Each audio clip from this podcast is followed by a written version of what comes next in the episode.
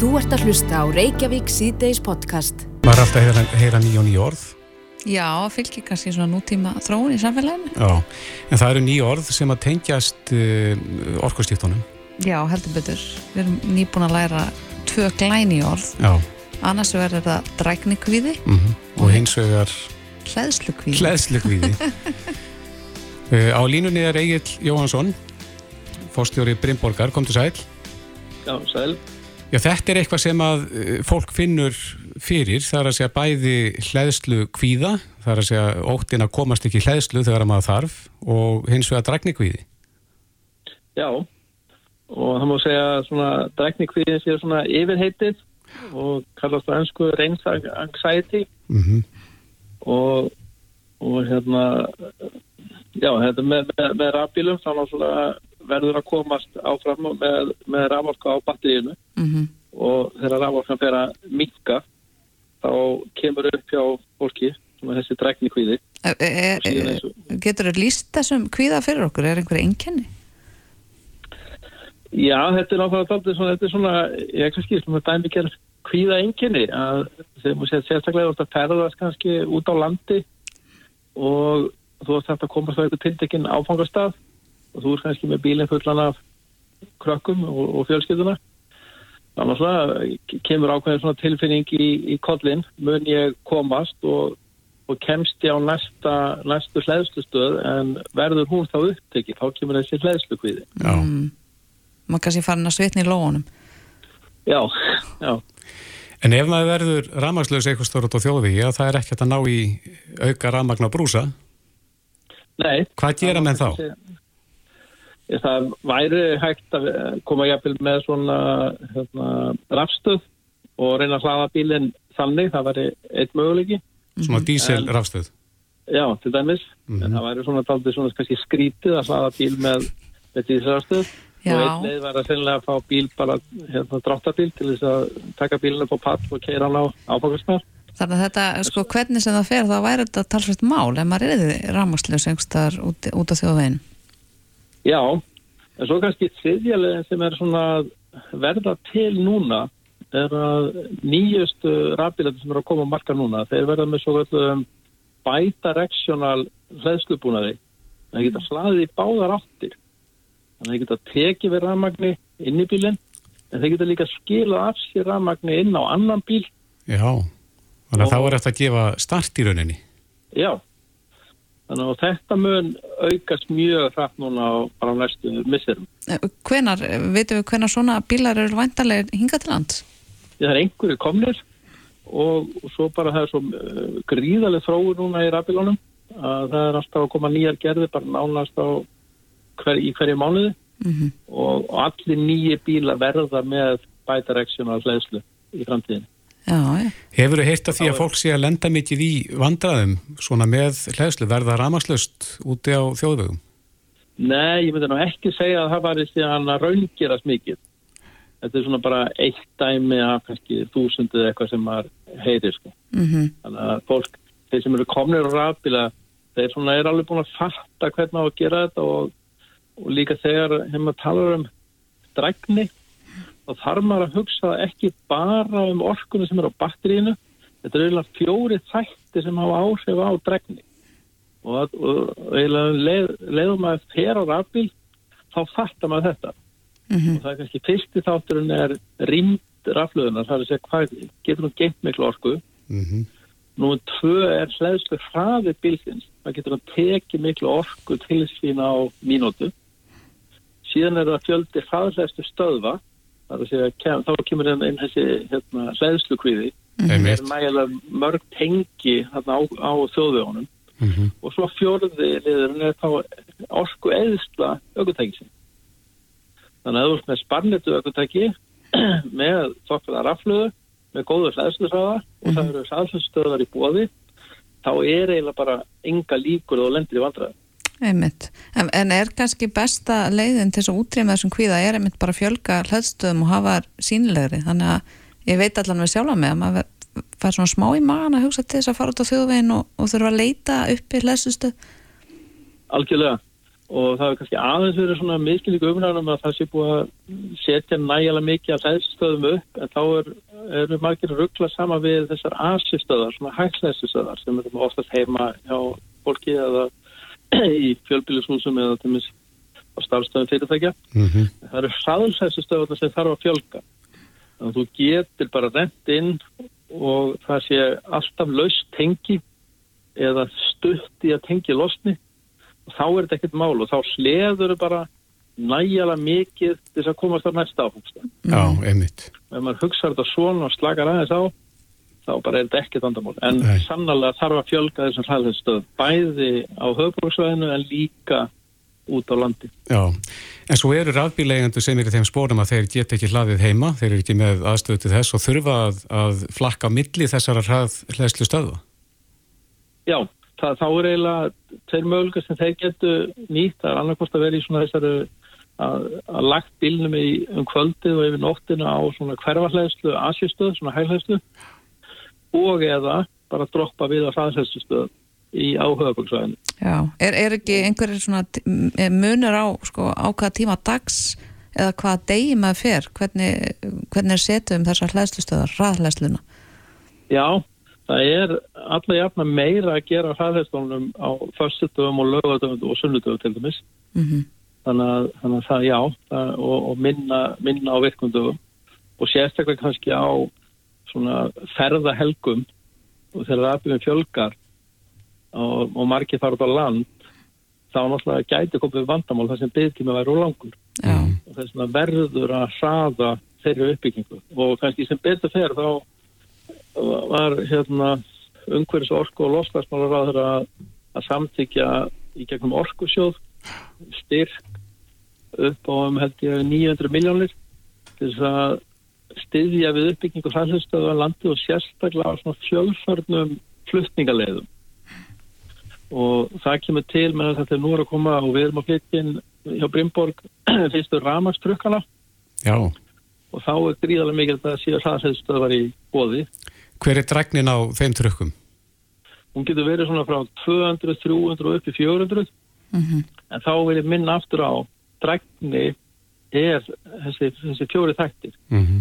Það er stærðin á raflöðinni, hlæðslu hlæði bílsins fjöldi stöðvana og orku er það Er þetta sendiferðabílar eða vörubílar? þetta er alveg, þetta er hérna svona já, þetta er alveg niður í þessa svona sendiverðabílar, svona 16 tonna sendiverðabílar Mhm. en svo alveg upp í 50 tonna dráttabílar Já, magnast þá ekki hlæðslu kviðu upp hjá þeim bílstjórum það er alveg hægt við því ef að við leysum ekki þessa þætti en það er áhugaður til dæmis að erum að skoða tölur sem fengum frá Volvo Truck, þessi bíla koma frá Volvo Truck að eins og í Evrópusambandinu þá er 45% af öllum leiðum, þungaflutninga leiðum í Evrópusambandinu 300 km að stittri þessir bílar dekka það allt og Íslandi er, þetta líklega kringum svona 50-60% Já, akkurat. og, og það sem mikilvægt það er að mikilvægt að byrja á léttulegunum alveg sem með fólksbílana þegar fólk byrjaði hérna þá var mest að nota á höfuboksvæðinu og menn voru mikið að spyrja en kemst ég til Akureyra já, menn komist ekki þá en svo komast með núna. Og þannig verður það í vörubílunum líka. Já, en brínasta verkefni það er að fjölga þessum hrað hlæðslu stöðum. já, og gera þannig að það verði svona dálítið mörg tengi á hverjum stað.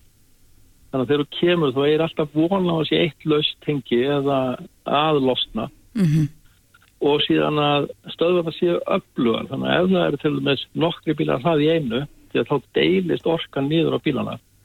Og það séu nægilega öflugar til þess að geta látið hvern og eitt bíl fá þokkala orku. Einmitt, einmitt. Já, áhugavert, Egil Jóhansson fórstjóri Brynborgar, takk hérlega fyrir spjalli Takk fyrir. Þú ert að hlusta á Reykjavík C-Days podcast. Jæja, Reykjavík síðdegs heldur áfram þegar klukkan er 27. gengin í 5. Við ætlum að snú okkur að sjáar útæknum. Já, heldur betur félagsvísinda stofnun Háskóla Íslands eh, framkvæmdi nýja könnun fyrir matvælaránetið um viðhor Íslandingandi sjávar ótusmála og þar kemur fram að flestir eru ósáttir við fiskveistjórnakerfið, telja íslenskan sjávarúteg spiltan og skapi verðmætti fyrir ofáa. Já, og þeir eru komin hinga til að ræða sjáar útægin. Teitur Björn Einarsson var að þingmaður sjálfstæðisflokksins og Daði Mór Kristófersson, Ásakið var að formaði viðreysnar, velkonir félagar. Takk, takk fyrir. Ef við byrjum á þér, Teitur, uh, þetta er ekki góð engun sem að almenningu gefur þessari grein? Nei, þetta er margt áhugaverð könnun og hún er viðtæk og það eru marga spurningar sem eru þarna undir og uh, sko heilt yfir kemur þetta samt ekki á óvart. Ég held að þetta sé í takt við svona hvernig þjóðmála umræðan um sjárótveg hefur verið, kannski undir farin ár, áratug eða svo, óvægin á köplum og ekkit alltaf í svona pólitíkum skilmingum uh, mjög upplýsandi uh, svo bætist við að kerfið er líka til dæla flókið, það er erfitt að segja að sjáuröldurinn sé svona eða hins einn og uh, þetta er marg breytileg atvinnugrein, margir aðilar sem að koma þar að og hérna, þannig að þú flæ, flækst í hvað, hvað er sjáuröldur og það er verður ekkit einfalt svar við því. Það sem er áhugavert við þessa könnun er eitt sem er að, að sjáarútuður er ekki ofalega í huga uh, þeirra sem svara konuninni. Mm -hmm. Það er uh, spurður um sko, hvaða kerfi stjórnaldar þurfa að úrbóta og þá svara tveir þriður hluta að það er heilprískerfið. Mm -hmm. Þar þurfum við að, að, að laga og gera verulegar úrbættur mm -hmm. uh, og það er skiljanlegt og það er líka í takt við það sem hefur í tómálöfurinn umræðinni. Það er einungis rétt tæp 10% í þessari konu sem telja að það þurfi verulega breytingar að úrbóta í sjárútvegi. Þannig að almenningur hefur ekkert sérstaklega mikinn áhuga á þessari grein? Sko, það má lesa það út úr þessu en, en svo þegar að uh, svarandur eru spurðir út í tiltegna þætti að þá eru þarna atriði sem er alveg viðbúið að, að, að það er svarað að, að fólk vilja almennt sjá herri veiðigjöld eða sangjarnari komur að segja arður renni til þjóðarinnar. Og það er bara mjög skynalegt og hérna og ég sjálf sér engi flokkar á alþingi eða sem er að móti því að, að, umhverfi sjárútvegs verði með þeim hætti að hann geti skilað meiru til þjóðabúsins mm -hmm. það, og það er bara ah. úrlausnarefni pólitíst hvernig komist við á þann stað og með hvað hætti á að gera það mm -hmm. Daði Már, eh, er þetta sandjant kjærfi? Þar sem er þjóðin að fá út úr þessu kjærfi þar sem þjóðin ætti að fá? Sandjant er mjög erfitt hugtak mm -hmm. um, en við getum sagt að uh, ef við trúum fyrstu grein laga um stjórn fiskveða uh, að þessi þjóðin sem eigi þessu auðlind uh, þá er svarið nei, þetta er ekki það, það afgjald sem að sá sem ætti auðlind að þessu verðmæti myndi fá fyrir hana mm -hmm. um, Og, og það er raunar aðtilsvett að, að þetta björn nefni hérna sko, fólk er uppteknar að helbriðiskerfinu en raunar er nú lausnin á öðru kerfinu hugsanlega fólkin í breytingu á hinnu þar að segja að, að meiri tekjust í ríkisins getu til dæmis uh, verið í, notaður í það að styrkja helbriðiskerfið. Mm -hmm. um, ég er hins vegar samanlega teiti í, í, í byrni í því að, að uh, kerfið í sjálfu sér uh, hefur skilað okkur mjög miklu í í þróun, í tækni þróun sem hefur gert íslenskan sjárutveg mjög ábata saman. Um, þannig að við, við, við horfum til sjárutvegins í nákvæmlega til dæmis í Nóri að þá eru ekki samskonar deilur þar einfallega vegna þess að hann er ekki eins ábata samar þó hann hafi aðganga að svipa um öðlindum mm. þannig að við þurfum einhvern veginn líka átt okkur á því að, að, að þetta er svona pínu luxusvandamál að geta verið að deila um, um afræksturinn, uh, flestir er ekki í því En, en er ekki erfitt fyrir almenning að setja sér inn í þetta kerfi út eins og teitur bendra á? Þetta er, þetta er flókið. Jú og, og marg skipt. Eh, við erum með raunar tvö kvotakerfi og síðan hérna, strandveðarnar eh, og, og það er mikil flóra fyrirtækjum í þessum geira, allt frá mjög stórum fyrirtækjum sem mörg hver eru mjög vel þekkt á Íslandi og allt niður í mjög lítil fjölskyldufyrirtæki sem fæstir hafa nokt hérna heyrtum og, og það gerir þetta auðvitað pínlítið flókið uh, vegna þess að til dæmis almennar hækkanir og veiðigjöldum myndur sannlega ekki skerða hag margra af allra stærstu fyrirtækjónum en gætu komið nýra á rekstri minni aðila. Mm. Þýrt þetta að vera þrepastift þá? Eh, þetta er ég sem að baði segir að það er hérna sko kannski fimm stæðstu sjárhúsfyrirtækin ef þau ættu að borga herri skatt þau myndu sannlega sko klára það ef við erum að tala um einhverja svona hækkun svona áns að þetta var einhver þjóðnýting farið upp í 100% en, en flest önnur fyrirtæki lítil, meðalstór sjálfsfyrirtæki, ringin í kringum landið myndu hugsanlega lendi verulegu vandræðum og það myndi leiða til þess að minnstu aðilatnir væru í, í þeirri stöðu að hætta einfallega rekstri, selja frá sér aflaheimildir og það myndi auka samþjöppun í greininni sem er þvert á það sem að, ef maður á að rýna þessar niðurstöðu þessar könnunar, að almenningur sé tilbúin að horfa upp á. En það er ekki sama hvernig það er gert. Ef verkefnið er að auka arsimið sjáurúdursins, þá eru ímsa leiði til þess. Það er þetta að auka rannsóknir, það er þetta bæta starfskilirði greinarinnar og sem skilar bara meiri ávinningi til þjóðarinnar allrar. Mm -hmm. En ef að það verið farin svo leið að, að sem að svona ímsi vinstriflokkar er að segja á þingi núna að bara hækka veiðikaldið þá er það heldur mjög skamgóðu vermir og verður bara til þess fallið að, að, að minka sangjörnumsæmni greinarinnar, það kemur minna út úr þessu og endanum verði veiðigöldi sem rennaði í ríkiskassan verða lerri. Fyrir utan það að þetta væri þetta fyrst, og fremst, fyrst og fremst landsbyðaskattur uh, og hérna og það er ekki það sem að fólk myndi endanum vera heldur sérstaklega sátt við. Já, já.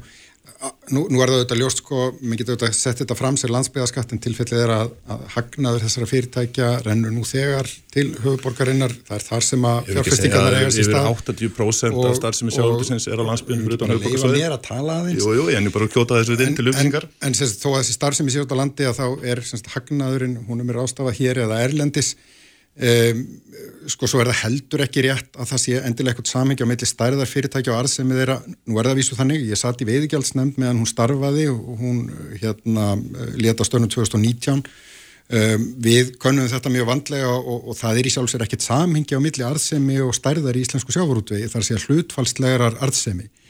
Um, þú finnur mjög vel reygin lítil fyrirtæki og, og, og verri reygin lítil fyrirtæki og velreikin stórfyrirtæki og íllareikin eða verreikin stórfyrirtæki.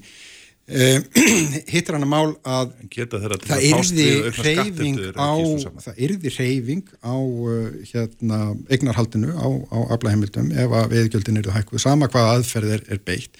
Hvort það myndi endilega leiða til um, Sagt, þess að, að við fengjum uh, fleiri mjög stór fyrirtæki, það er ekki ljóst en það myndi öruglega breyta struktúrnum og því hærri sem gjaldtakan er því uh, færri íllareikin fyrirtæki myndu eiga sér viðreysnavón, menn þurfa að bara taka ákvörunum þetta hvort viljum við fá hærra afgjald af öðlindinni og, og stöðla þá að um, já, því sem að raunverulega kerfið hefur verið að stöðla það frá upphafi þar að segja meiri hagræðingu eða viljum við reyna að bremsa það ég held að, að Könnunin sínu nú raunar að Íslandingar eru fyrst og fremst uppteknir af þessu með uh, arðsemina og, og, og greiðsluna fyrir aðgengin að öðlindinni. Mm -hmm. uh, það var held ég það sem á sín tíma bjargaði íslenskun sjávarútvegi samanbúrið við norskan. Þar uh, í Nóri leggja menn fyrst og fremst áherslu á byggða áhrifin og, og sjávarútveginn þar er reygin svona meira eins og landbúnaðurinn er hjá okkur.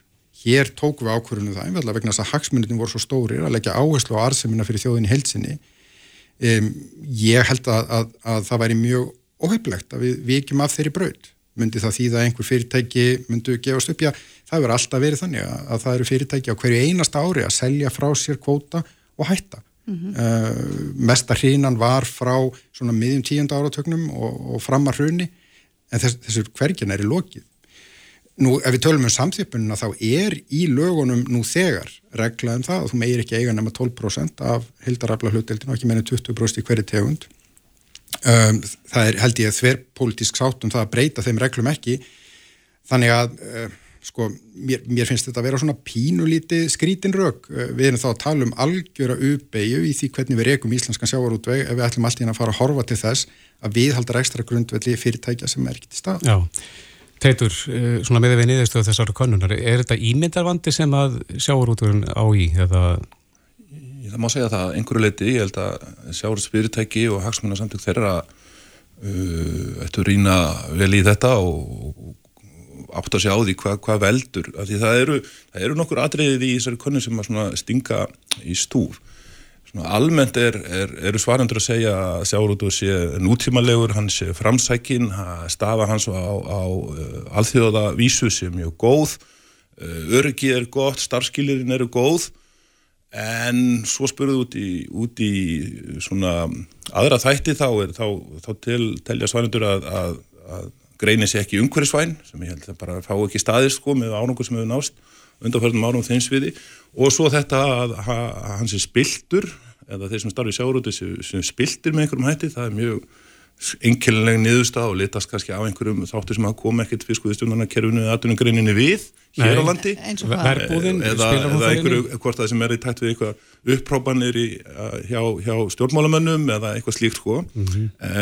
þannig að það eru svona misvísandi skilabóð í þessu. En ég held að stóraðrið er þetta, já það er krafum það að e, stjórnmálamenn og stjórnmálaflokkar eins og sjálfstæðarflokkurinn, það er auðvitað líka þarna skilabóð krafa um að það sé ávalt tryggt og, og það er líkið tröst og skilningur á því að fyrirkomlega sem við höfum um sjáratvegin sé til þess fallið að það sé ávalt stemt að þessum mestri, mestum ávinningi fyrir íslenska þjóð af nýtingu öðlindarinnar mm -hmm. og það sé gegnsægi í þessu og, og það sé skilningur á því hvernig þetta, uh, hvernig þetta virkar alls saman og það eru þetta atrið þarna um ímyndunavanda sem getur lotið að sko er, er, er, sko, er eitthvað reglu sem að stjórnvöld geta sett uh, varandi sko, upplýsingagjöf þessara fyrirtækja uh, einhverja slíka hvað er um góða stjórnunarhætti eitthvað sem að eigur traust almennings á því og skilning á því hvernig þessi fyrirtæki virka og hvernig öðlindinni mm -hmm. er rástafað og þarna til ég vera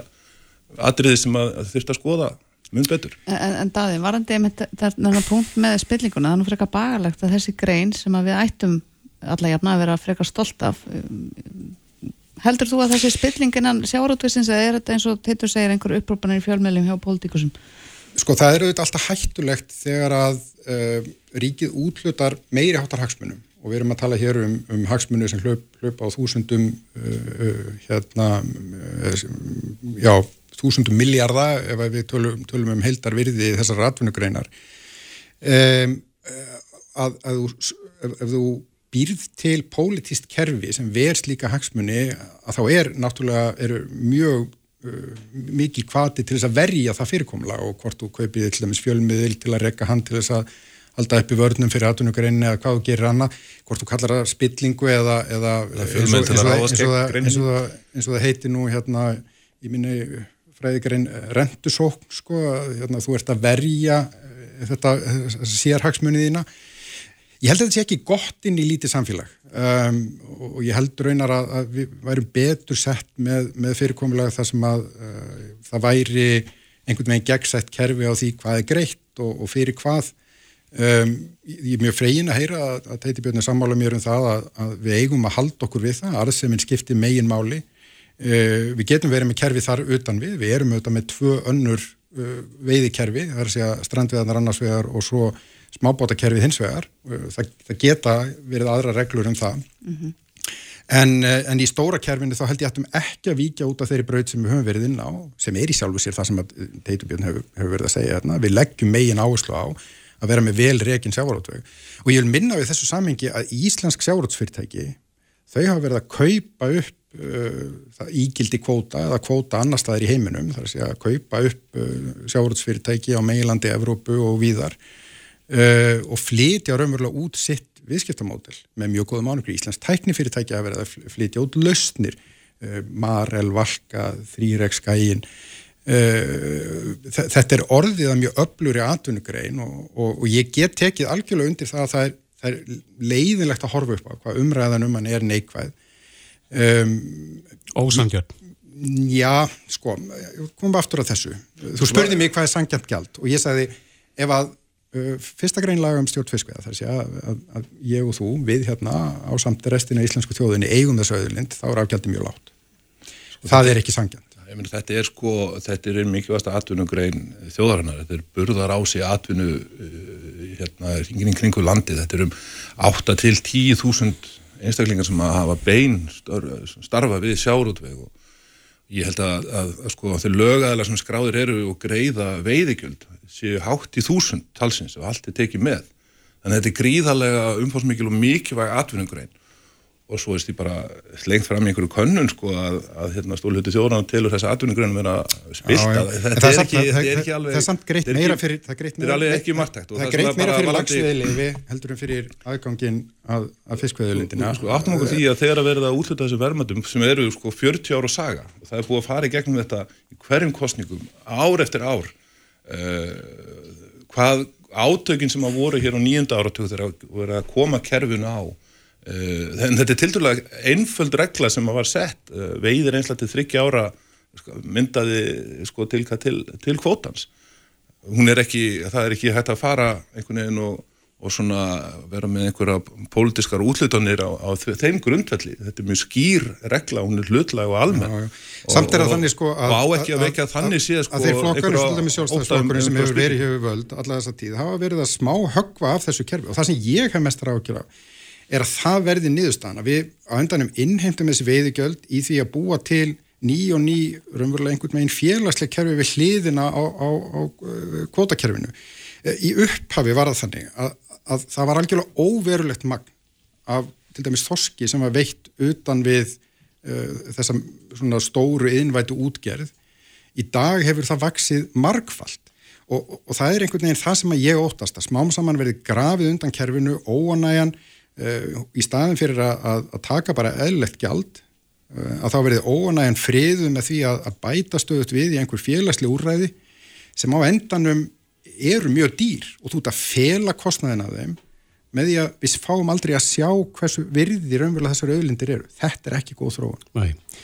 Við verðum að setja punktin hér. Eh, Teiti Björn Einarsson var að þingmaði sjálfstæðisflokksins og Daði Már Kristóðsson var að formaði viðreysnar. Kæra þakki fyrir komuna. Þið verður vantilega ekki, gangi ekki eh, sáttir á eitt. Jú, Já. við erum alltaf mjög samála um margar. Ég veist að þið verður bara mjög samála með í þessu verði. Það er bara jákvæmt. Um margt en kannski ekki alveg hver mörkin er að líka. Takk fyrir komuna. Takk, takk. Þetta er Reykjavík C-Days podcast. Jæja, Reykjavík C-Days heldur áfram. Einn mest lesna fréttininn á vísi.is í dag er endursögn á þessari frétt úr Daily Mirror viðtal við Eið Smára þar sem hann eh, opna sig um veðmálafíksinn eða spilafík. Já, uh, hann tala til dæmis um hann að hafi tapað rúmum miljard íslenskar króna fyrir 20 árum síðan í þessari fík mm -hmm. og þar af hafa hann tapað 400.000 pundum, tapund 70 miljónum króna á fimm mánuða tímabil. Já. það eru rosalega upphæðir. Einmitt og uh, það eru margir sem að þekkja þessa fík eru bara með mismikið fjömilla handana til þess að tapa. Einmitt En uh, á línunni er Alma Hafsteinsdóttir, hún er formaður áhuga fólksum spilafíkn og eini alþjóðlega vottaði spilafíkla ráðgjafinn á Íslandi. Góðan að blæsa hann daginn, Alma. Komið sæl. Já, þetta viðtal við eðsmára er tekið í tengslu við þessa reglugjörðabreitingu í ennsku úrvalstillin að nú má ekki lengur auglýsa veðmálasýður á treyjónum sem er gott. Mm -hmm. Um, Mjög gott. Eru, eru breytar framalega, eru þeir uh, með fleiri breytingar í farvatninu eða hvernig er stað að mála þarna með við hér á Íslandi? Uh, það hefur borið á umræðu og, og svona tillögum að einsum úrbótum hvað varðar veðmálastar sem er í Breitlandi og reyndar í öðrum, hjá öðrum þjóðum. Það sem að þessar þjóði kannski hafa umfram okkur er að þau eru búin að prófa. Það er búið að prófa að auðvisa, það er búið að prófa að, að gefa svona veðmálustar sem er, hvað segir maður, lausan taun, eða svona aðeins að losa um. Og menn eru núna bara átt að segja á að það er ekki að virka. Og skadinn sem maður situr eftir, hann er bara stærri heldur en ábatinn. Þannig að í rauninni ef við lítum til þessara fjóða þá höfum við ákveðna sérstöðu að því leitum til að veðmálstarfsmi er hefningarlegum bönnu en uh, við ættum frekar að sko draga úr heldur en að gefa í með við það sem er að gerast í nákvæmlega landum okkar. Mm -hmm. En uh, veðmálastar sem er í ímsu formi, þetta er náttúrulega sem að að segja saklaust lotto, lögatast lotto og og allt upp í það að menn er að eða fjár, háum fjárhæðum í erlendar spilasýður og sumir vilja breyta reglunum þannig að fólk geti eitt þessum peningu sínum hér heima þannig að við sem ekki að missa fjö og landi. Hvað segir um það? Við sko höfum í rauninni kannski ekki alveg skilið umræðina hvað þetta varðar því að þegar við tölum um spilafíkn og þá breytir einhver hvort þú ert að veðja í íslensku krónum eða, eða erlandum uh, og þegar að fólk sko skoðar til dæmis eins og lengina á 1x2 að þá er ekkert mikill munur þar á. Og til að mynda ég var að skoða mann ekki hvaða leikur það var en þá kannski sko veljað á alltaf 208, 280 atriði í einu leikin á lenginni. Og hérna þannig að við í rauninni erum ekki, gerum ekki greinamun þarna á. Og þegar menn er að tala um sko skatttekjur vissulega hérna er gott að fá skatttekjur af þessu en ef við ætlum að fara að gefa þetta alveg frjálst að þá þurfum að menna að taka með í þann reikning að sko samfélagslegur kostnaður kemur til með að vera gríðarlega hár. E- En uh, sko ef við gefum þetta frjálst, er við að tala um að auka eftirlit eða að setja einhverjar hömlur þá á móti?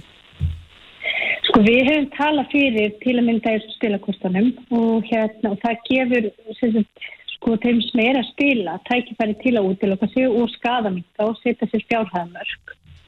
En það er í rauninni, sko það sem við þurfum að fara að gera er við þurfum að fara að sinna korfvörnum, við þurfum að fara að sinna fræðslu. Og til dæmis þegar við skoðum eins og ég var nú að taka saman bara fyrir þetta viðbrú núna auðlýsingarnar til dæmis hjá lengin og einnögst tveir þú veist, láttu öll úslit í ennska bortan verða fyrir í hagum helgina. Mörg breyta leiknum og lífun ef við kirkar rétt rétta markatölu. Ísland vinnur alltaf þegar þú spila með, settir spennu í leikin sko hvað er íþróttarhefingin að segja okkur? Þú veist að börnin okkar er að hlusta á þetta og þó að menn kannski tala um að þessu auðlýs á miðlum þar sem að ungbörn hafa ekki aðgang.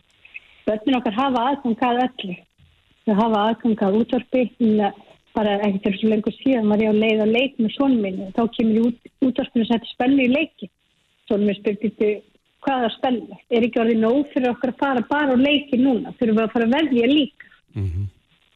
Mm -hmm. Þannig að við hérna, við bönnum uh, áfengisauðlisingar, við bönnum tópásauðlisingar og þetta er svona alveg svo eigur kemur inn á að það skiptir máli hvað stendur á treyjunum. Það skiptir máli hvað stendur á auðlisingarspöldunum á leikfangi mm -hmm. því að sko ungu krakkanir okkar, þetta eru hetirna þeirra.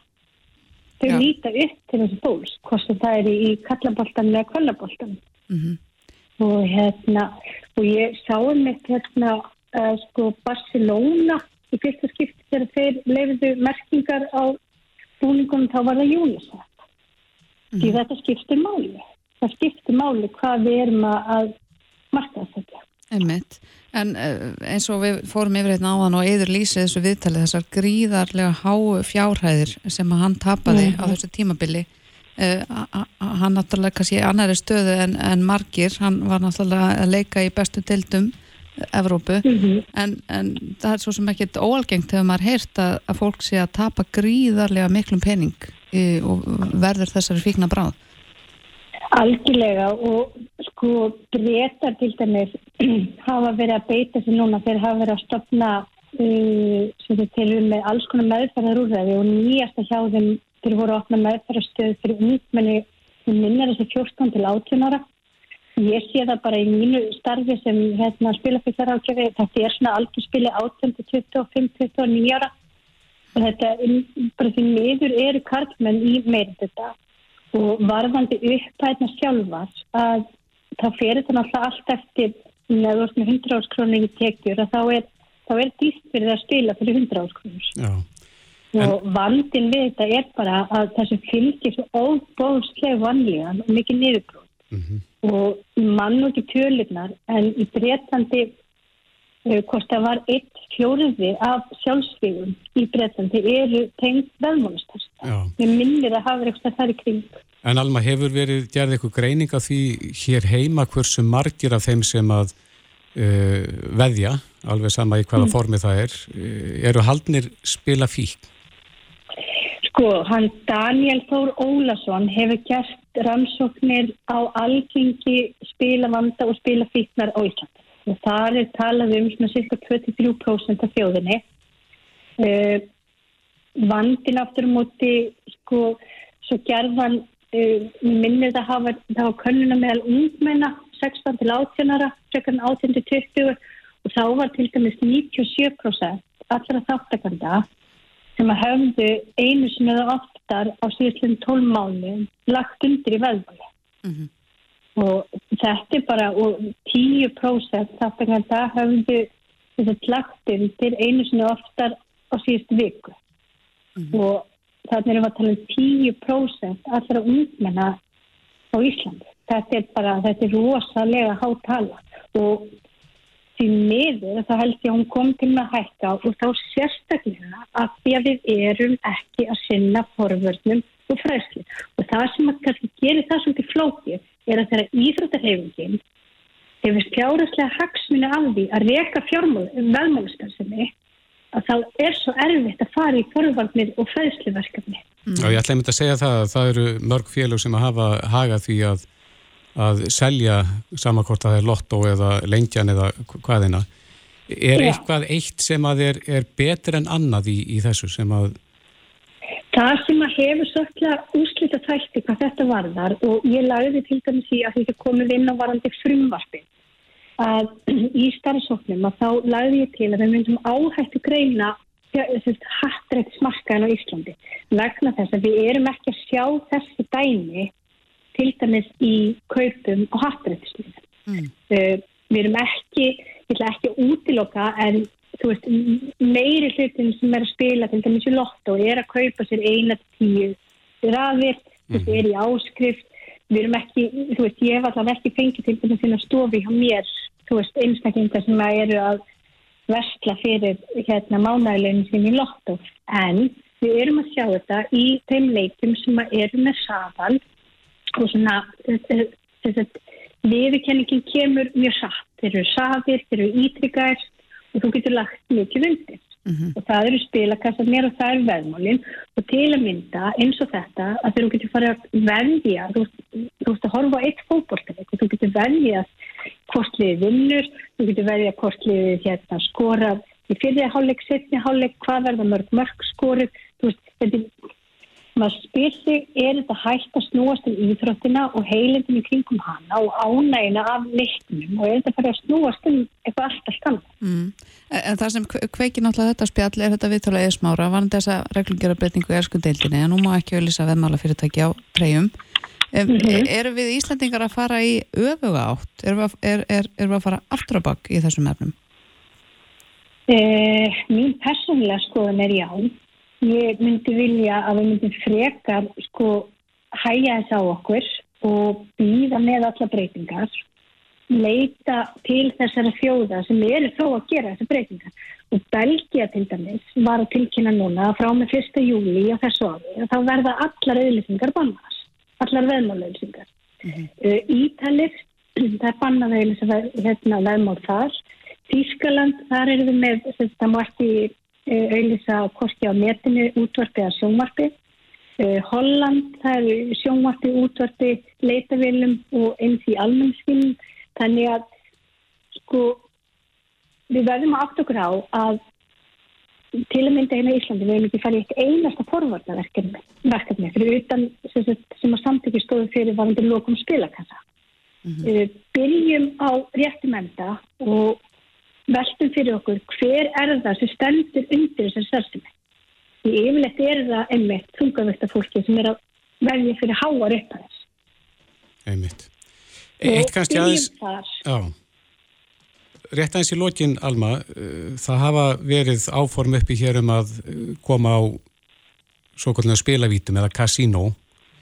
Mm Væri það bóti máli? Væri hægt að hafa meira eftirlit á slíkum stöðum ef að, ef að slíkt er þið leift á Íslandi? Uh, svona í, í setningunni, já, þá væri það hægt. Vandin aftur á móti við eftirlitið á Íslandi og það kom svo persónulega fram í þessum starfsóp að það er ekkit eftirlit. Og við getum erum með eftirlit og, og einhverjar stopnarnir sem eiga að sinna því. En það sem sko, við verðum að, að við verðum að sinna eftirlitinu til þess að virki.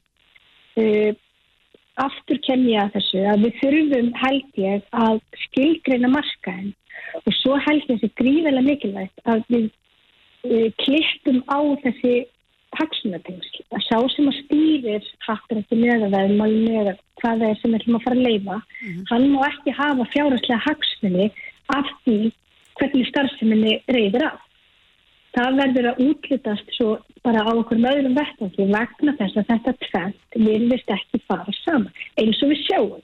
Við sjáum í þjóttarhefinguna hún er lang öflugust á markaði, auðsingamarkaði varandi fjárhersspil mm -hmm. Það, kerfið eins og er núna, þá hefur það ekki virka. Við erum ekki að sinna forvörnum, við erum ekki að sinna fræðslu og við erum svo sannlega ekki að mæta og með til dæmis þessum með eig, með skekkja að hann skulle stíga fram núna mm. en ég ger mig líka grein fyrir því að, þú veist, í rauninni hefða hann ekki gett að stíga þessi skref þegar þetta átti þessi stað af því að við erum ennþá svo hvað segir maður sein eða aftalega í allri umræða Æmint.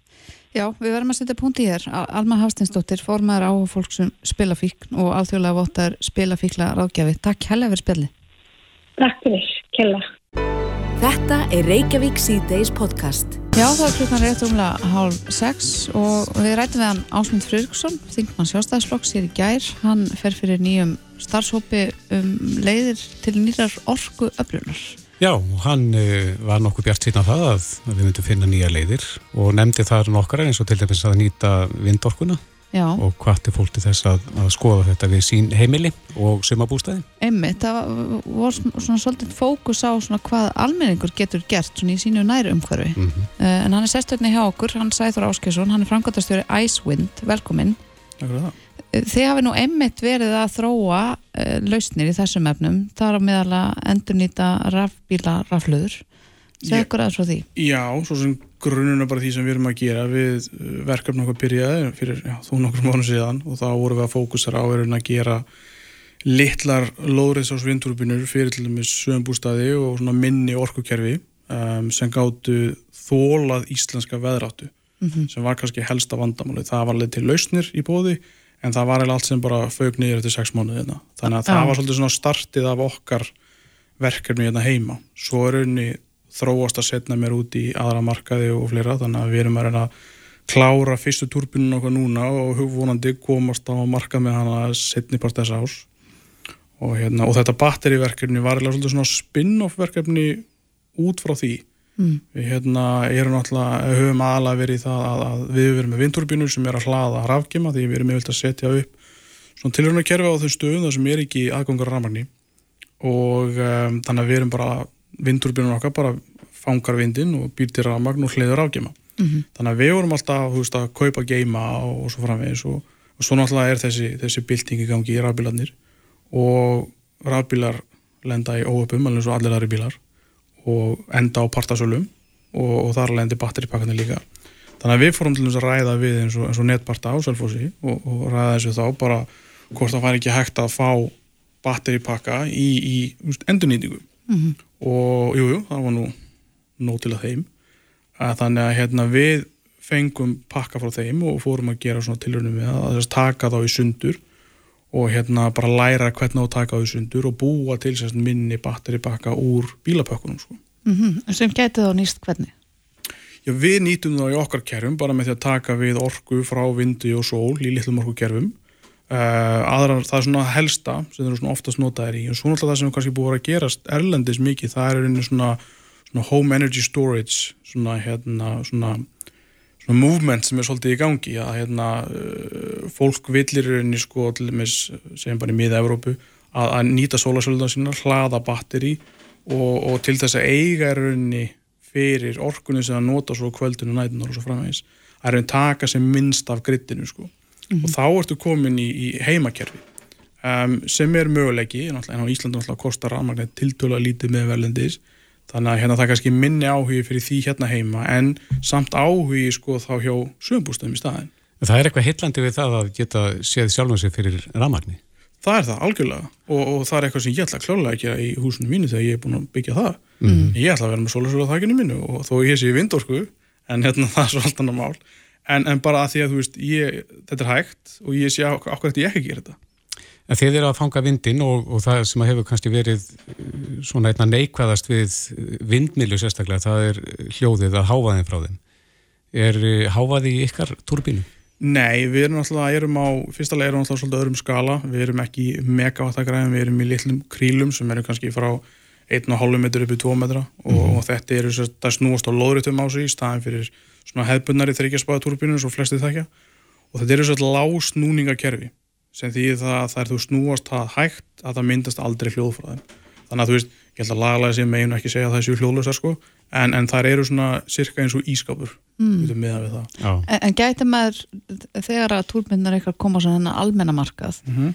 Um, gæti ég þá keft mér svona túrbinu sko, myndi hún döga fyrir heimili mitt eða er þetta svona meira fyrir frístunda heimili mitt, sömbústæðin? Í alltaf skalin sem við erum á eins og sérstaklega græjan okkar fyrir bústæðin hún var sérstaklega hönnuð fyrir bústæði mm -hmm. og þá bústæður batteri, pakki og til og meins varmadæla það sá pakki geti haldið til bara svona meðalstórum bústa á Íslandi kannski 50-60 fermetra hvað sem það er uh, gætir henni annað honum fyrir orku fyrir hitun Er maður þá að sapna orkunni til dæmis þegar maður er ekki bústanum? Já, það er mjög kannski líkildin að því að þú veist eins og út heima hjá þér þá notar þú tiltöla mikið að ráftækjum tiltöla rætt og þá veist, myndur þú kannski tæma pakkan tiltöla rætt en í bústanum þá er það allt, allt öruðs í kerfi mm -hmm. þannig að það er þetta meira bara að sapna því upp og eiga nógu mikið þegar þú ert á svæðinu og svo er náttúrulega sólinn og vindurinn alltaf mallin á kerfið á meðan þannig að kannski svona kerfi myndur kannski ekki anna heilu heimili en það getur jafnvel kannski kvötta niður rafku kostnaðinum kannski já, helminga í triðja mm -hmm. það sko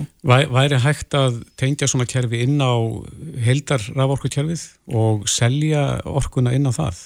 Sko það var samþeitt fyrir um það byrjum tveimur ára síðan var þess að það var búin að vera nefnd í gangi einmitt varðið þetta og þeir, þetta heitir sko samfössun lítilla heimarafstöða er, er títillin á þessu mm -hmm. það sem það var óheimilt að vera með litlar vindurbynur eða sólarstælur og framvegis og tengja við netið, við grittið það var bara einfallega ekki heimild í lögum til þess.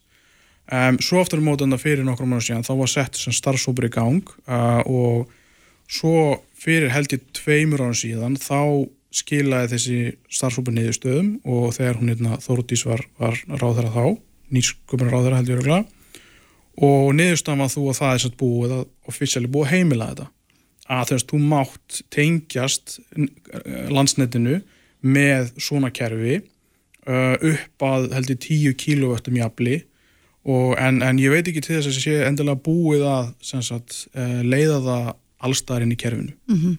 yep. Ásmund Fröksson myndist á það í spjallinu í gær að hann hefði verið eitthvað í heimsókn í Svíþjóð mm -hmm. þar sem voru sólarsellur og þá var afgangsrafmagnið selt inn á dreifikerfið og fólk fekk raunin borga fyrir að búa til orku. Já. Er það uh, framtíðin til dæmis á Íslandi eða? Um, sko það sem uh, þessi kerfi byrjuðu flest þarna, með svo danir og fleiri stöðum, þeir byrjuðu í þessum sem kallast feed in tariffs á ennskunni Um, þá færður henni bara greitt við það kílóstundu sem þú setur á grittið og þá færð þú bara endugreislu frá þínni dreifveitu fyrir það, það sem þú framleiðir. Um, þróunin aftur á móti síðastliðin ár hefur kannski meira verið í það að fara í svo kallar net metering kerfi sem þýðir það að þú færður henni bara innign fyrir það kílóstundu sem þú setur á grittið og þá máttu taka þetta tilbaka setna mér og mm. það mhm. er mun einfaldara kerfi, það er engin tilfæsla á, á þú veist eins og verðisökkarskati fram og tilbaka og reikningar og svo framvegist, það er bara innegna kerfi og það er bara gert upp einu snitt vissur ári mm þannig að það, það kerfi væri mun líklega til árangus á Íslandi fyrir ekkar heldur en greiðslukerfi. En, en ég velti fyrir mér hvort að þessi þróun sé að gerast nóg rætt? Nei, nei, við, við erum minnst okkarstu tíu árum eftir okkar nákvæmlega þjóðum sko, mm -hmm. það, það er bara þannig, Þið, veist, að, við erum alltaf bara já, nótum þeirra forrætinda að vera á landi þar sem uh, landsneti er 100% grænt og þannig að það eru bara aðri kvatar í gangi hér heima eða skortur á kvötum með við Erlendis þar sem gritið er ekki reynd, það er skítugt af þessu leiti mm -hmm. og það er mjög meiri kvati fyrir almenning bæði kostnæðilega síð og náttúrulega bara það að vera græn að, að innlega svona kerfi og þeir gera það bara mun ræðar sko Einmitt. þannig að við erum svolítið eftir sko ah. Nú voru margir komnir á rafbíla uh, og margir sem að þekkja það að hlaða bílinn sinn, svona turbínan ykkar, hvað er hún lengi að hlaða svona meðal eh, bílaraflöðu? Þannig erum við svolítið komin í, í sama áðan, það, þetta snýstir rauninni um sko til dæmis getur til dæmis á sólarhing gæti einn turbína pluss sólapanel hlaðið upp batteribanka heima í höður sem gæti verið nægur til þess að ná kannski einni eða hálfur hlæðslu eða hvað sem það er sko. Mm -hmm. Þetta snýst um, um orkursöfnuna en, en þú veist, ef þú myndir miða við bara nú er turbínuna framlega svona mikið afl og bílinn þarf svona mikið afl og ég myndir fýta turbínunu beintin á batterið í bílum sem er eiginlega ekki hægt en, en þá myndir það taka þó nokkra daga Já. að fullaða bílinn. Já, en eftir að móti ef ég kannski búin að sapna fyrir því því loksist svo kemur bílun og teng, tengjan í samband það er allt annað mál sko. Mhm. og þá getur við, þú veist já, stærsta græjan okkar held ég verðum 600 vött, það mun nú samt taka einhverja, já einhverja dag eða sólarhinga kannski með sólarpanelum að sapna fyrir einni fullri hlæðslu en það er algjörlega hægt sko, það er engin, það er engin tæknileg eh, vandamál í kerfinu. Þetta er bara útvarslatrið sko. Já. Heilandi heimur, eh, gaman að spjalla við þið, Sæður Áskisson, Frankværtastjóri Æsvind, takk fyrir komuna. Takk fyrir mig. Reykjavík síðdeis á Bilginni podcast. Já, þá vantar klukkuna tímundur í sex og við erum hérna með spurningu. Mhm. Skapa peningar haminguna, er hægt að kaupa haminguna? Já, þetta er stór spurning. Þetta er það. Hefur henni verið svarað? Já, það er góð spurning. Það er margar stóra spurningar hér. Við erum komið með sérfræðing í, í jákvæðri sálfræði, vinnu sálfræðing, ráðgjaf og marktjóla, það er Hrefna Guðmundsdóttir. Velkomin. Já, þakka ykkur fyrir. Þetta er gríðastór spurning. Skapa peningar hamingina, er það spurningin? Mm -hmm. uh, Samkvæmt rannsóknum er það já og nei. Mm. En það er náttúrulega píldið þannig er það ekki að við viljum frekar eiga peningan ekki og svo er sko við búið að vera að reyna að reikna út nákvæmlega hvað er nóg til þess að geta verið hamingsamur og hlúað svona andlega og félagslega, það er þá einhver aðeins hærri upphæð. En svo ef við erum komin upp í sko, hérna, upp fyrir það, þá virðist peningar skipta miklu minna máli í hamingjunni en við höldum. Mm. Og geta skapað óhamingju þá, jafnvel? Peningar? Já. Já, jafnvel. Ég menn þú þarfst að hafa, þú þarfst að hafa, hérna ekki svolítið yfir sín og eigða tíma í og hefur auðvitað áhyggjur og vilt ekki missa. Við viljum ekki fara illa með fjö. En sem sagt, hérna, það er beint línulegt samband millir pening og hamingju þegar við erum í skorti. Og en um leið við erum komin í að hafa í okkur á og svona, þá hafa peningar miklu minna vægi en við leggjum en við teljum. Þannig við erum með svona alls konar ránkumundur um hamingjuna eins og peningar skapi hamingju, vera fallegur skapi hamingju og vera frægur skapi hamingju. Svo þegar við erum að rannsaka hamingjuna þá er það bara eitthvað allt annað. Það eru mannlega samskipti, það er að tilheyra. Það er hérna og það sem er mesti óvinur hamingjunar er kvíði, streyta og einmannleiki. Þannig að ég myndi segja sko notaði peningana sem vörd gegn því, þú veist, einmannleika og streytu. Þannig að þú ert að kaupa er eitthvað sem að gefið tíma, uppþóttavél eða þið veitir, eitthvað sem gefið þér hálftíma á dag, þá ertu kannski að eigða í eitthvað sem eigur hamingju. En ef þú eigða miklu peningum í döða hluti, þá er það, það er kannski svolítið gaman eitthvað tíma, sko. Það er ekkit varanlegt. Þú vilt ekki vera einn í einbilshúsi með flottustu græðnar og einmanna og með kvíða, eða það? Nei, það hljómar ekkert sérstaklega Þannig að kannski hefur venjulega manneski að þið viti bara mögulega á því jafn mikið og einhver moldríkur að vera hamingsamur. Uh, rannsóknir sum að segja að það muni bara einu prósenti sagt, að vera hérna, mjög vel fjáður eða fátakur eða hafa í þig og á þá ert í svipari stöðu með hamingina það er bara í hvað ert að setja fókusin mm -hmm. Á kámar að setja fókusin Nákvæmlega Sko, ætla að fara ekki svolítið eftir gildum hvers og eins, þú veist, ég til dæmis að því að ég kannski finn ekki alltaf þessar rannsóknir séu sko hérna lýsi mér nákvæmlega, þetta er náttúrulega bara svona meðaltalsrannsóknir til þess að mér erst rosalega gaman að kaupa mig falli föt mm -hmm. en það er talað um ekki eða döða hluti heldur frekar í hérna, uppákomur, samveru bjóða heim eh, og jafnvel borga í styrtafélög og svo leiðist því þá finnur þú út hluta samfélaginu og það gefur þér rosalega mikið þannig að maður á frekar eða það mm -hmm. En það getur kannski reynst einhverjum erfitt að þegar uh, einhver fara útborgað að fara ekki rakleðis í smáralind mm -hmm. að kaupa sér nýtt dress það getur, ef maður er búin að venja sig á eitthvað sko, einhver velun Já, en ég meina, gerir þetta gerir einhver þetta? Ríkur bara, hú, ég var útborgað, ég verið smáralind ég veit það ekki. Hvað segir þið? Hvað finnst ykkur? Hvernig tengið þið saman bara í ykkar lífi, peninga og hamingju eða þið veitir. Mm. Þegar sumt sem þið eigði finnið alveg bara að gefur ykkur kannski ef þið eigði áhuga máli eða fjölskyldubóð heima, eitthvað svona en hvað, já, hvað Er það skamgóðu vermir að kaupa hluti? Rannsóknir segja það. Mm -hmm. Ég maður finnur náttúrulega að maður eigðir í, í upplifanir mm -hmm. og þá skapa maður minningar sem að dvelja með manni en, en þessi hlutir þeir gefa manni kannski gleði einhvern smá tíma mm -hmm. en var þetta sem sæðir áðan sko, pe peningar og hamingja þegar maður á ekki í sig og á mm -hmm. Það er maður náttúrulega líka heyrt að ef fólk er að glíma með fjáraságjur þá er óbúslega erfitt að finna hamingjuna. Þá er bara beinlína, því meiri tekjur því meiri hamingja, þangtur og hefur íðu á. Uh, og það var hérna uh, gerði doktorsrið, gerði kringum hrunið Íslandingar og hamingjan. Og það kom einmitt fram, sko, það var ekkit fylgni millir, millir peninga og, og hamingju en það var beinlína ef þú hefur fjáraságjur þá mingar hamingjan rætt og það fer ekkit endil eftir innkomu eða skuldum, þið vitið það er bara, ef þú ert með peningaáhyggjur sumir hafa peningaáhyggjur yfir litlu og aðri yfir meira þið vitið, það er bara áhyggjurnar sem draga úr hamingju það var ekki innkoma eða skuldir það er bara þín upplifun af stöðinni En þú segir að þegar að fólk á ísi á, Já. það skapar hamingju, en uh, svo eignast fólk uh, mikið af peningum, eflaust. Hvar liggja mörkin þar? Hvena fyrir þetta að vera óhamingju valdandi? Já, það er skemmtileg spurning. Ég kannski eh, veit það ekki beint, en það er líka að tala um sko, ef við verðum mjög peningalega sinnuð, ef við erum alltaf að, þú veist, sækjast eftir tilbóðum og vilja alltaf svolítið svona fyrir að græða heldur en hitt, að það víst ekki mikil farsald í því. Og þú langt að líka fæli jafnvel frá því fólk og það er tímafrekt að velta sér upp á tilbóðum og svo kannski leggur að þau mikla vinnu til þess að græða 780 krónur eða eitthvað. Kannski er það ekki leitin að haminginni í rauninni sko. Þannig að það er kannski bara að þegar það komið kvíð og áhyggjur kringum þetta. Þannig að maður þarf svolítið að líta í einn barm varandi þetta Er það ekki? Hvað hérna, já, hvað raunverða gleður okkur í, í hvað við erum að eyða? Við þurfum bara hverju veit svolítið að spá í það.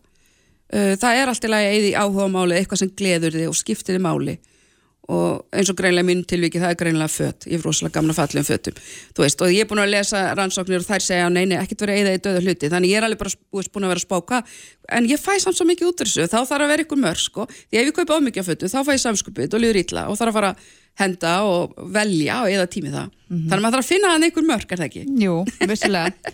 Mér langar nú að benda hlustendum á heimasíðunina hamingivísir.com þar eru allskins greinar um jákvæðasálfræði þurfum við að gera meira í því að smita henni út í allt samfélagi? Sko, hvað segir þið? Finnir þið ekki á eigin skinni, sko, hvað er skemmtilega að vera til ef manni líður vel, er það ekki? Ekki spurning. Og það er búið að sína fram á, sko, þá gerist eitthvað í heilunum, við hugsum öðruvísi þegar okkur líður vel. Þá munum við líka, sko, það stittra í minningarnar öllu þessu ánægilu, bara já, ég þetta minnum á þetta og mannstu og maður fyrir hláturskast og þið vitið. Og þá sapnast upp í ákværa minningar. Svo þegar það kemur eitthvað sem að manni líður illifir, þá verðum við svona þröngsýn, þá verðum við alveg bara svona, förum ekki upp úr ykkur fari og bara þá munum við öllu, allt þetta erfiða og það hranast upp og típist ég og akkur er ég alltaf lendi í þessu og þið veitir, þannig að sko minnið og hvað gerist og svona, þetta er nátengt tilfinningum, þetta er miklu meira tengt tilfinningum heldur en við höfum kannski gert okkur grein fyrir. Já, mjög aðdeglivert, Hrefna Guðmundsdóttir, vinnu sálfræðingur, sérfræðingur í ákveðri sálfræði, ráðgæf og markþjáli. Takk fyrir komuna. Hlustaðu hvena sem er á Reykjavík C-Days podcast. Já, Reykjavík síðdeis heldur áfram. Morgunblæði greindi frá því um helgina að það væri bráða því að livjagáttin svo kallaði væri misnótuð og þar væru tilefnislausar upplettingar. Já, á þjóðþægtum einstaklingum. Já, Manni bregður nú svolítið við að lesa svona frettir. Maður held að þetta veri allt eh, rekjanlegt fram og tilbaka og þetta væri hreinlega bara ekki hægt, Mhm. svona tilefnislausu. en það er spurning hvernig þessi mál horfa við persónuvend. Helga Þórisdóttir, fórstjóri persónuvendar, er á línunni. Við náum þér það ekki á uh, alþjóðlegri persónuvendar ástefnu í Feneyjum. Jú, komið sæl, það passar. Ég er hér mikill menningar borg. Já, hva, hvað er svona á ottinum á þessar ráðstefnu? Hva, hvað er fólk að ræðum? Já, það hérna bara gott að spyrja sko vegna svo það er einmitt hérna, það er verið að ræða nefnilega eitt og annað því það er náttúrulega núna komin hvað fimm ár frá því að nýja hennar gæsalappa personundar lögjum tók gildi að það er svona byrju stöðum að hvar erum við og, og það er svo frábært þegar maður fer út og hittir kollega og, og hérna og átt að sagði þeir eru margir að upplifa það sama og við í, í personundina og litla Íslandi sko Mm. að það er þetta að, að út í heimi er fólk skemmtilega að finna fyrir því að enn er litið svona pilsið hortni og stundum á personundarfólki sem að, að hérna og litin vera svona álitin vera kannski að leggja stein í götu þeirra sem vilja bara fagna tekninni og rjúka á stað með allar, allar nótkunni allar þessum nýju appum og smáförutum og, og gerðugrindin og allir hinnu en, en í rauninni það er svo mjög samsjómur um það að í rauninni um leið og við fögnum tekninni og öllum nýjungunum að þá verðum við líka að, að, að, að, að algjörlega vera meðvitað um það að persónu upplýsingar og, og vernd þeirra, auðviki persónu upplýsingarna eru algjör, algjör grundvallara réttur sem verður að standa verður Já, og það er hægt að vinna svo mikið með þessar upplýsingar. En það þurfa allir bara átt að sá því að verðumæti þeirra er gigantist Mhm. og og það bara hafa öryggið þeirra í lægi og að sé allt í lægi með alla vinsluna áður en færi á stað með nýsköpunafyrirtækin og allt þetta vegna það sölun varan á þessum personupplýsingum er bara mesta sölvaran í heiminum í dag mm. og við viljum frjálstflæðið er innan Evropu en þarf að passa hvernig það er gert. Já og þá komum við að þessu máli sem að morgunblæðið greindi frá, það er misnótkun á livjagáttinni og upplýsingum þar Hvernig horfir það við persónuvendar lögunum íslensku? Já, nú er það svo að við höfum fengið eh, út af því máli og, og, og ábendingu almennt eh, og þannig ég get ekki tjáðið um einstakum ál. Nei, en svona almennt séð. Já, já, svona almennt séð að þá liggur það ljóst fyrir að heilbreyðis upplýsingar eru skilkvæmda sem viðkvæmar þessum upplýsingar mm -hmm. og bara þeir, þeir ástæðu að þá eru svona í reyni strángari uh, reglur og, og, og hvað, hvað varðar alla vinslu á þeim.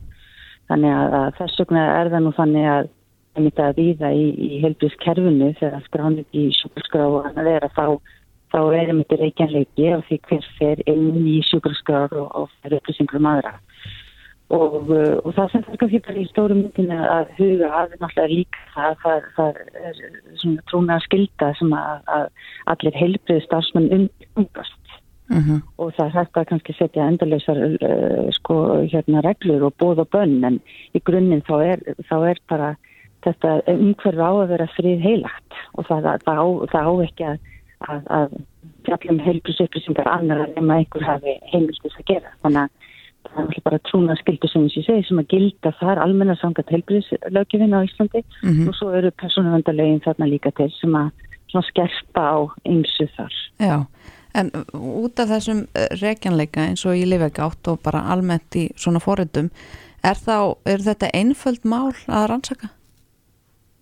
Ég tegir að, að, að reikjanleik er til staðar að þá náttúrulega nokkuð ljóst að, að svo lengi sem að það sé réttur aðgangu sem hefur notaður þá náttúrulega þá sagt, er vantilegt að finna þann einstakling sem að veri ábyrða á til dæmis slækru uppfletningu.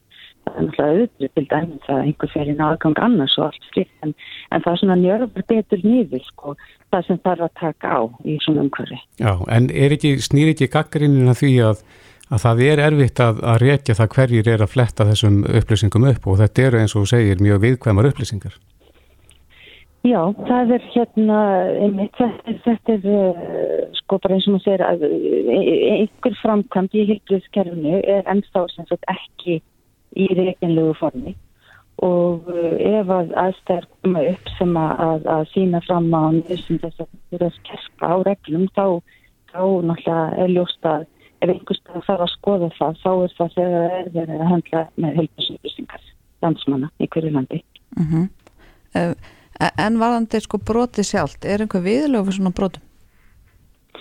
Nú verður ég bara ekki að ég er ekki alveg með það að reynu hvað og hver viðlögin eru en, en, en Livjalögjuminn tekur uh, eftir því best veit á uh, trúnaði fyrir að sem starfa í Livjaverslunum og uh, það er samanlega bara hvers veitanda að meta hvers broti er, hvers þessi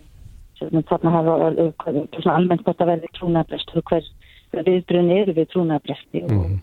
hvers eðlis hvers máli er það er bara eitthvað sem það er að skoða bæði viðbröð almennt við, við því þegar þegar farið um upplýsingar án heimildar og einstaklega þarf að tryggja frekari reikjanleika í, í kerrum og annars þess Hafið þið hvart landlæknisembætti til þess að bæta úr þessu að, að málum verði komið þannig fyrir að það sé hægt að rekja það hverjir nota aðgang á þessum kjærfum?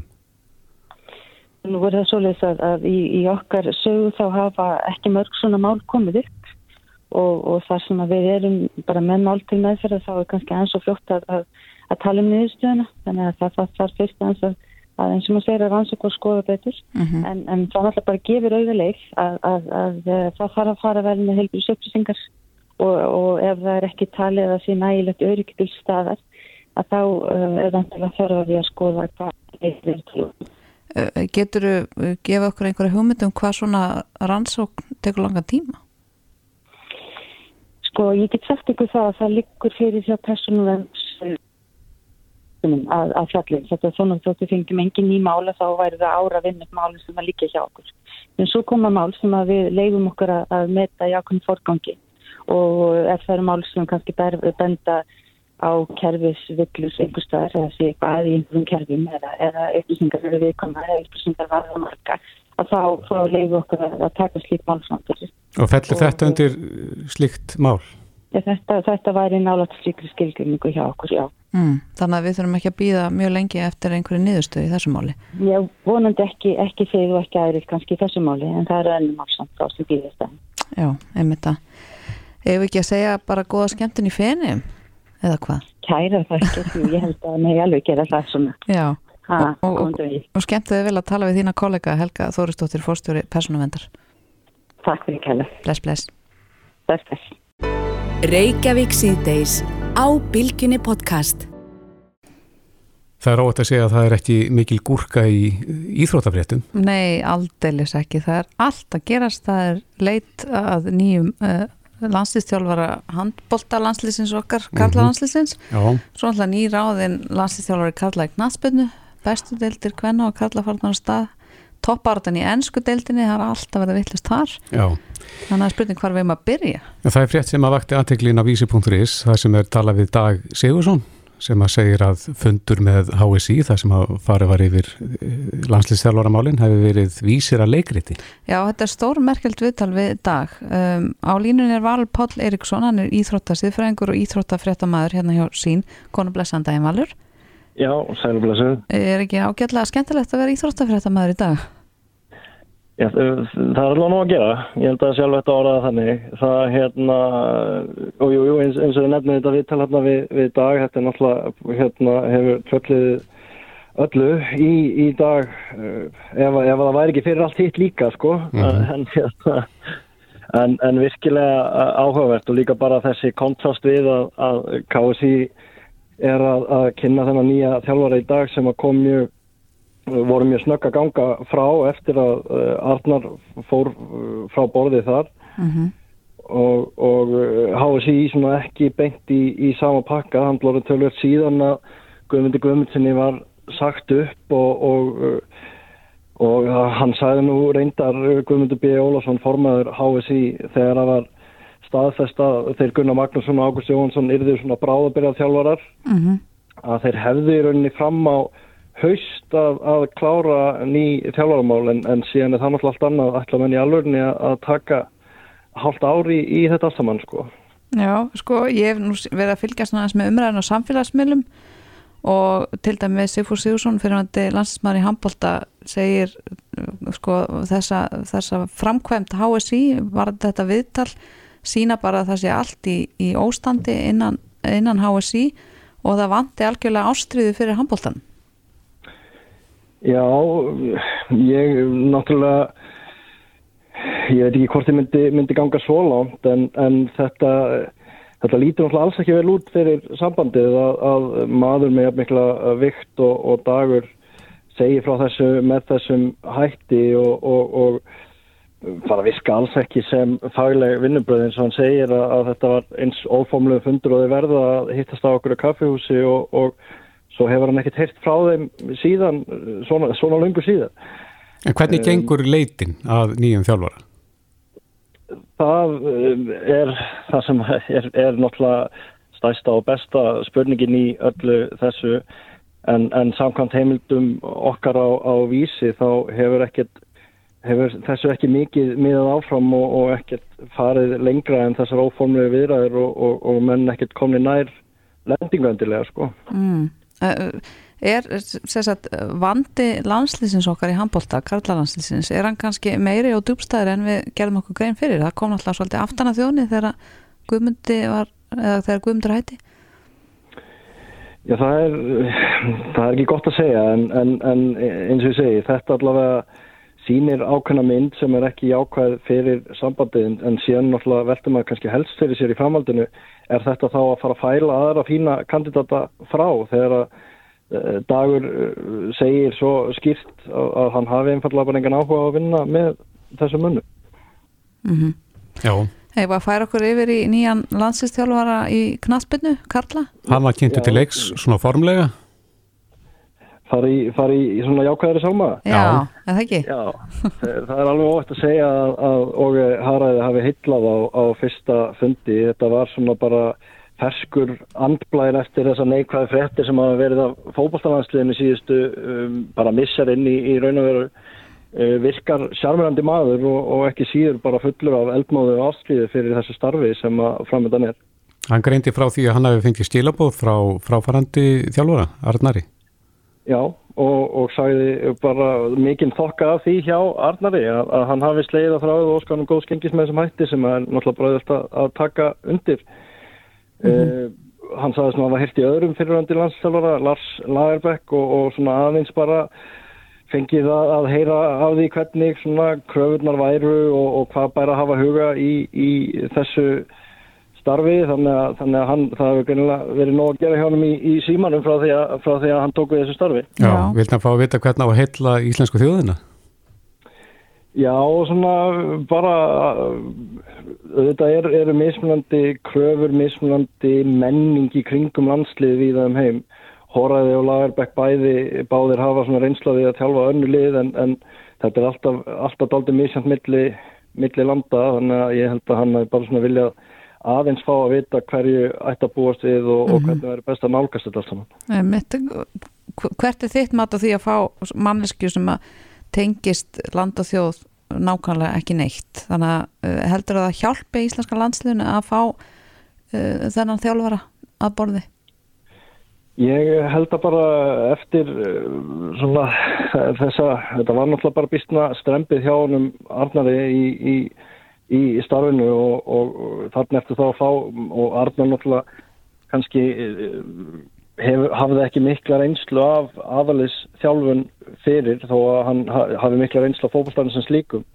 Að þarna eftir að fá einn mann sem hefur áratuga reynslu og hefur reynslu með landslið á, á háu stíi, gert vel bæði með Noreg og, og Danmörku þannig að ég og með eins og ég segi hvað hann heitlaði vel á þessum fundi þá allavega lítur þetta ekki dýll út sko. Nei, er hann með góðan efni við þar að segja ná af ungum strákum sem hann getur mótað aðeins? Já, ég, og það er náttúrulega þessi, það starf sem hann getur byggt á frá Arnari. Arnar hefur tekið, náttúrulega vissuleiti var hann til neittur þegar þetta blessaða mál kom allt saman upp hann fyrir tveimur árum síðan. Það er ákveðni menn sem voru settið til hliðar í liðinu en, en þar leðandi stegu yngri menn upp í staðinn og þeir verða alltaf árinu eldri og, og, og reynslinn ríkari þannig að það, er, eru býstna efnilega leikmenn sem hafa verið að gera það gott, við getum nefnt Ísak Bergman og Hákon sem að leika með FC Kaupanahöfn og, og, fleiri til sem að hafa verið að taka framfæraskref og, og ég efast ekki um að, að þeir hafi gott á því að, að fá þennan mann sem, sem stjóra sko. Mm -hmm. Já, nú er náttúrulega verðin hafinn hér á Íslandi eftir deildir Karla og Kvenna að farnar á stað. Hvernig metur þau svona fókbóltasumarið? Er einhverju líklarinn aðrið til þess að reppa tilla? Blíkarnir eru líklegir, báð megin, hvort sem er kalla og, hvenna, þó þetta hafa nú farið alltaf dýla á stað hjá uh, kalla megin, þeir svöruð allavega fyrir það með sérunum og val í síðustum ferð. Mm -hmm. Það var einmitt kynningafundur á hvennadildinni í dag og blíkonum var þar spáð tillinum, uh, kannski svona smá spes stemming á, á þeim fundi þar sem að búið að vera ósætti milli ITF eh, e eða milli frá, frá leikmannum í garð ITF e sem að náttúrulega heldur utanum deildina og, og stóða þessum kynningaföndi eh, í, í ljósið þess að það var engin fantasileikur hvenna megin en hann er í bóði kalla megin, konur í minni hluti í auðsingunni og, og, og svo kornið sem fylgti mælinn þegar að leikmenn voru bóðir í myndatöku á sama tíma og mestar og mestarna var í gær mm -hmm. En það var fundur í, í gerðkvöldi og, og vonandi að sverðin hafi aðeins verið slýri þar og, og uh, fólk getur nú farið að, að bara einbytta sér að boltanum en, en það er alveg ljóst að það er kerkja hvenna megin uh, þegar þetta sumar er alltaf manna að fara af, af stað. Hákáingarnir náttúrulega sendu skýr skilabóði í, í fyrsta leik en það er nú oft auðveldara að, að gýra sig upp í fyrsta leikin nýri deild og ég tala nú ekki um þegar um grannaslag er að ræða mm -hmm. eh, en eh, Já, spúkninglið, þetta er bara mjög góð uh, spurning. Ég er ekki með neitt í haustum akkurat núna, ég verð bara að játa það alveg svo. Hvaða lið er að koma upp núna? Uh, Kallamegin þá eru HK nýlegar ásamt hérna ásamt fylki. Mm -hmm. uh, fylkismenn byrjuði ekkert, ekkert svakalega vel, þeir eru búin að tapa fyrstu tveimur leikjunum en, en býr nú að búa að ágætis liði samt sem áður mm -hmm. uh, Tindastóll er að koma aftur upp núna uh, kvennamein og gott ef að uh, hérna sko það sem er náttúrulega mest spennandi líka kvennamein er að, að uh, það er verið að fjölga leikjum og, og deildin því skiptist eins og kalladeildin gerði í fyrra mm -hmm. Ég verið að samræma þetta Já, verið að samlaga það sko. Mm -hmm. Þannig að, að, að við getum til dæmis borðið saman að kallarnir spiluði 27 leiki fyrra en, en konar átján. Þannig að núna fjölgar, fjölgar þeim um, um þess að fjóri rauka leikir hjá, hjá þeim.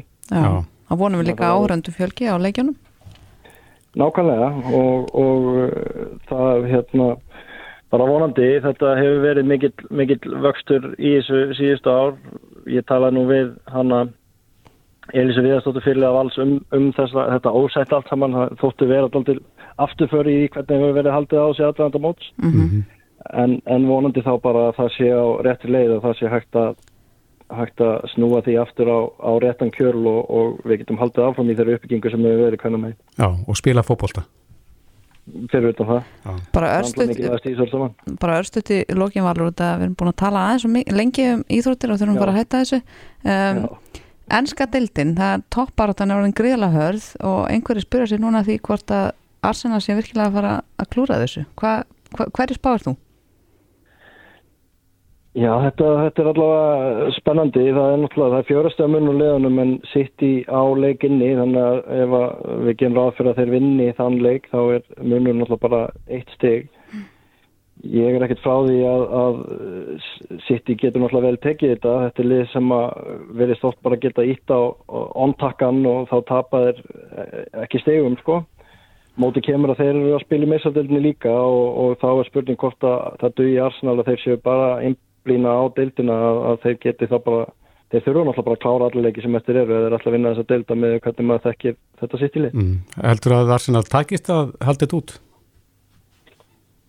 Mm, það er alltaf skemmtilega að fá nýja meistara. Ég á mjög herrt með að segja til um það. Þetta verður, þetta verður bísna spennandi og, og ég er eiginlega bara algjörlega á báðum áttum hvernig þetta fer. Mm, já, tími verður að leiða það ljós. Það er allavega mikið, mikið spennandi framöndan í íþróttunum, í fókbólta og vonandi já, nær handbóttalandslið vopnum sínum og við fáum þjálfara innan skams. Heldur betur. Vi, við vonum það að, að, að þetta verður þá líka bara sparkir raskandið og, og, og það sé hægt að leysa þau mál sem allra fyrst. Já, Valur Páll Eriksson, Íþróttafréttamaður og Íþróttasiðfræðingur, kæra þakki fyrir spjallið. Takk sem leiðis. Já, við verðum bara að setja punkti hér, við þurfum að hleypa fréttonum að en við minnum á það öll við tulun eh, frá deinum í dagur aðgengilega á vísi.is, bilgja.is og í bilgju appinu. Já, Lilja, Bræður Kristófið, þakka fyrir sig. Verðum hér átráðferðinni á slæginu fjögur á morgun. Njóti kvöldsins. Reykjavík síðdeis á Bilginni podcast